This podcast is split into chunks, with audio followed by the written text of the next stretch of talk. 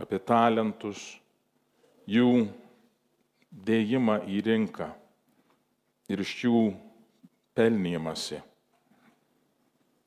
Tai yra klausimas, kaip mes naudojam tas dovanas ir malonės, kurias Dievas mums suteikia. Dažnai mes apie talentus galvojam asmeniškai, individualiai. Kaip aš gyvenime galiu išaukti, išgyventi, nešti savo pelną. Bet kai Dievas duoda savo talentus, bendrasias dovanas, jis nori, kad mes ir investuotumėm joms į bendrąjį gyvenimą, į mūsų šeimas, į mūsų bendruosius namus, šį pasaulį, į mūsų bendruomenės ir visuomenę. Pagrindinė dovana, kurią kiekvienas iš mūsų esame gavę, yra krikšto malonė. Krikšto dėka mes gaunam išganimą, Kristo, krikšto dėka mes tampame Dievo tautos nariais.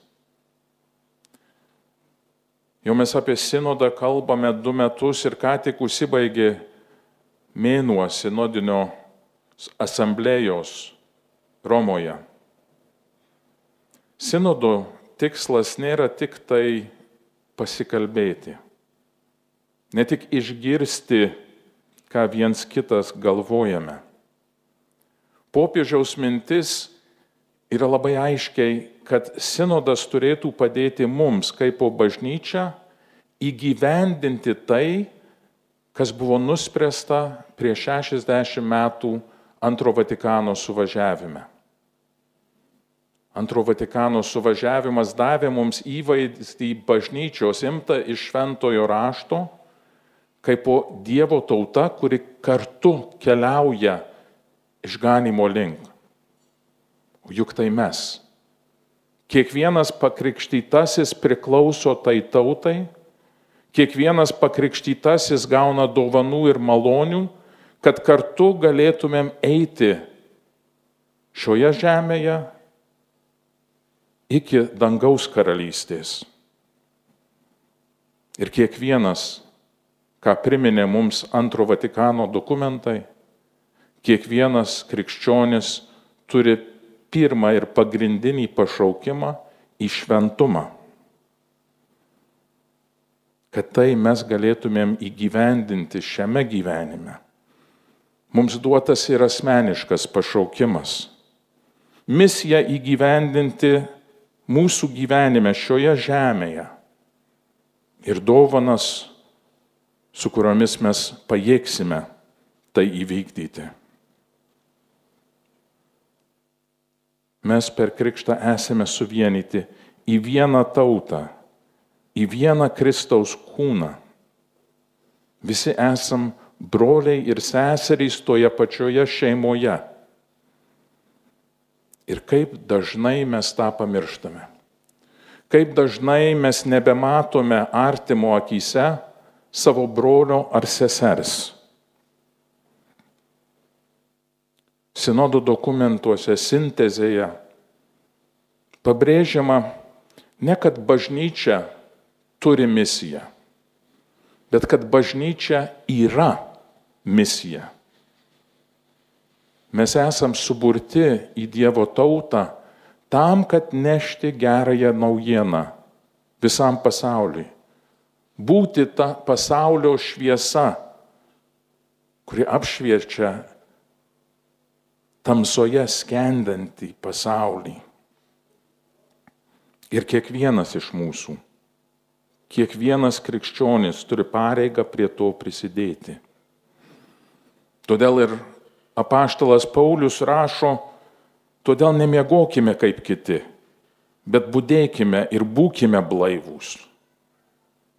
Dievas, kai pasiuntė apaštalus į pasaulį, eikite į visą pasaulį ir skelbkite Evangeliją, tas įsakymas yra visai bažnyčiai, visai Dievo tautai. Ir sinode taip pat pabrėžta buvo priminimas, kas yra šventojo rašto centre. Ypatinga vieta mūsų bažnyčioje ir mūsų misijoje užima vargstantieji. Jie yra bažnyčios misijos centre. Prisiminkime, kaip pats Jėzus pristatė savo misiją. Cituodamas pranašą Izaiją, Jis atėjo skelbti gerąją naujieną vargdienėms. Tai nėra šalutinis veiksmas bažnyčiai. Tai nėra dalykas, kuris gali būti paliktas kokiai nors daliai bažnyčios, pavyzdžiui, karitui. Bet matyti savo brolio poreikius ir matyti jį kaip savo brolį ir seserį yra kiekvieno iš mūsų užduotis. Šios dienos minėjimui popiežius Pranciškus išleido žinę pasauliniai vargstančiųjų dienai. Aš labai raginčiau visus pasiskaityti tą žinę. Jie galima rasti internete, bažnyčios puslapį katalikai.lt. Grįžę į namus, Atsiverskite ir perskaitykite. Popiežius labai gražiai išdėsto Tobito pavyzdį. Žmogus, kuris rūpinosi savo artimu, darė gailestingumo darbus, rūpinosi vargšais, juos maitino. Ir tada jam nutiko nelaimė. Per tą nelaimę Dievas prie jo prisilietė. Popiežius taip pat cituoja, šiais metais minime 150 metų nuo švento kūdikėlio Jėzaus Teresės mirties. Dabar cituoja iš jos dienoraščio, kur jinai rašė, dabar suprantu, kad tobula artimo meilė. Tai pakanka kitų žmonių trūkumus, mokėjimas nesistebėti jų silpnybėmis, rasti savo atsparos net ir mažiausiuose jų praktikuojamėse darybėse. O ypač supratau, kad toji meilė neturi būti slepiama širdies gilumoje.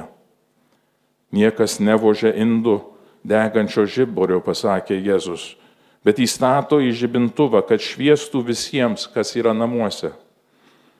Man atrodo, rašė kūdikėlė Jėzaus Teresė, kad tas žibintas vaizduoja artimo meilę, kuri privalo šviesti ir džiuginti ne tik tuos, kurie yra man brangiausi, bet ir visus, kurie yra namuose, visus aliai vienu.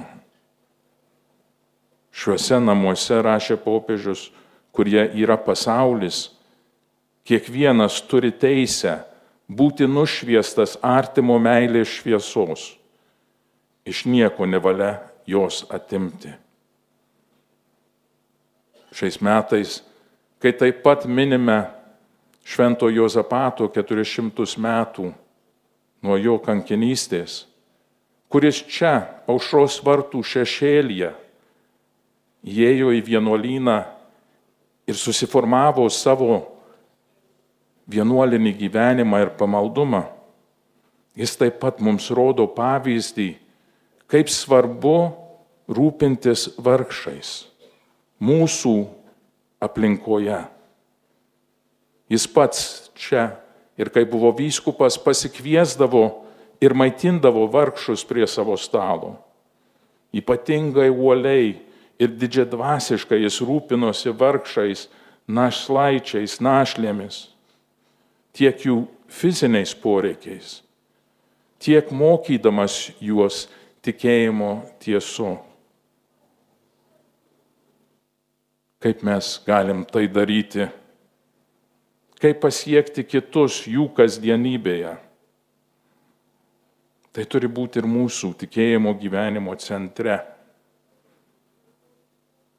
Kad mes neišgirstumėm iš vietpaties priekaištą, kiek talentų tau daviau.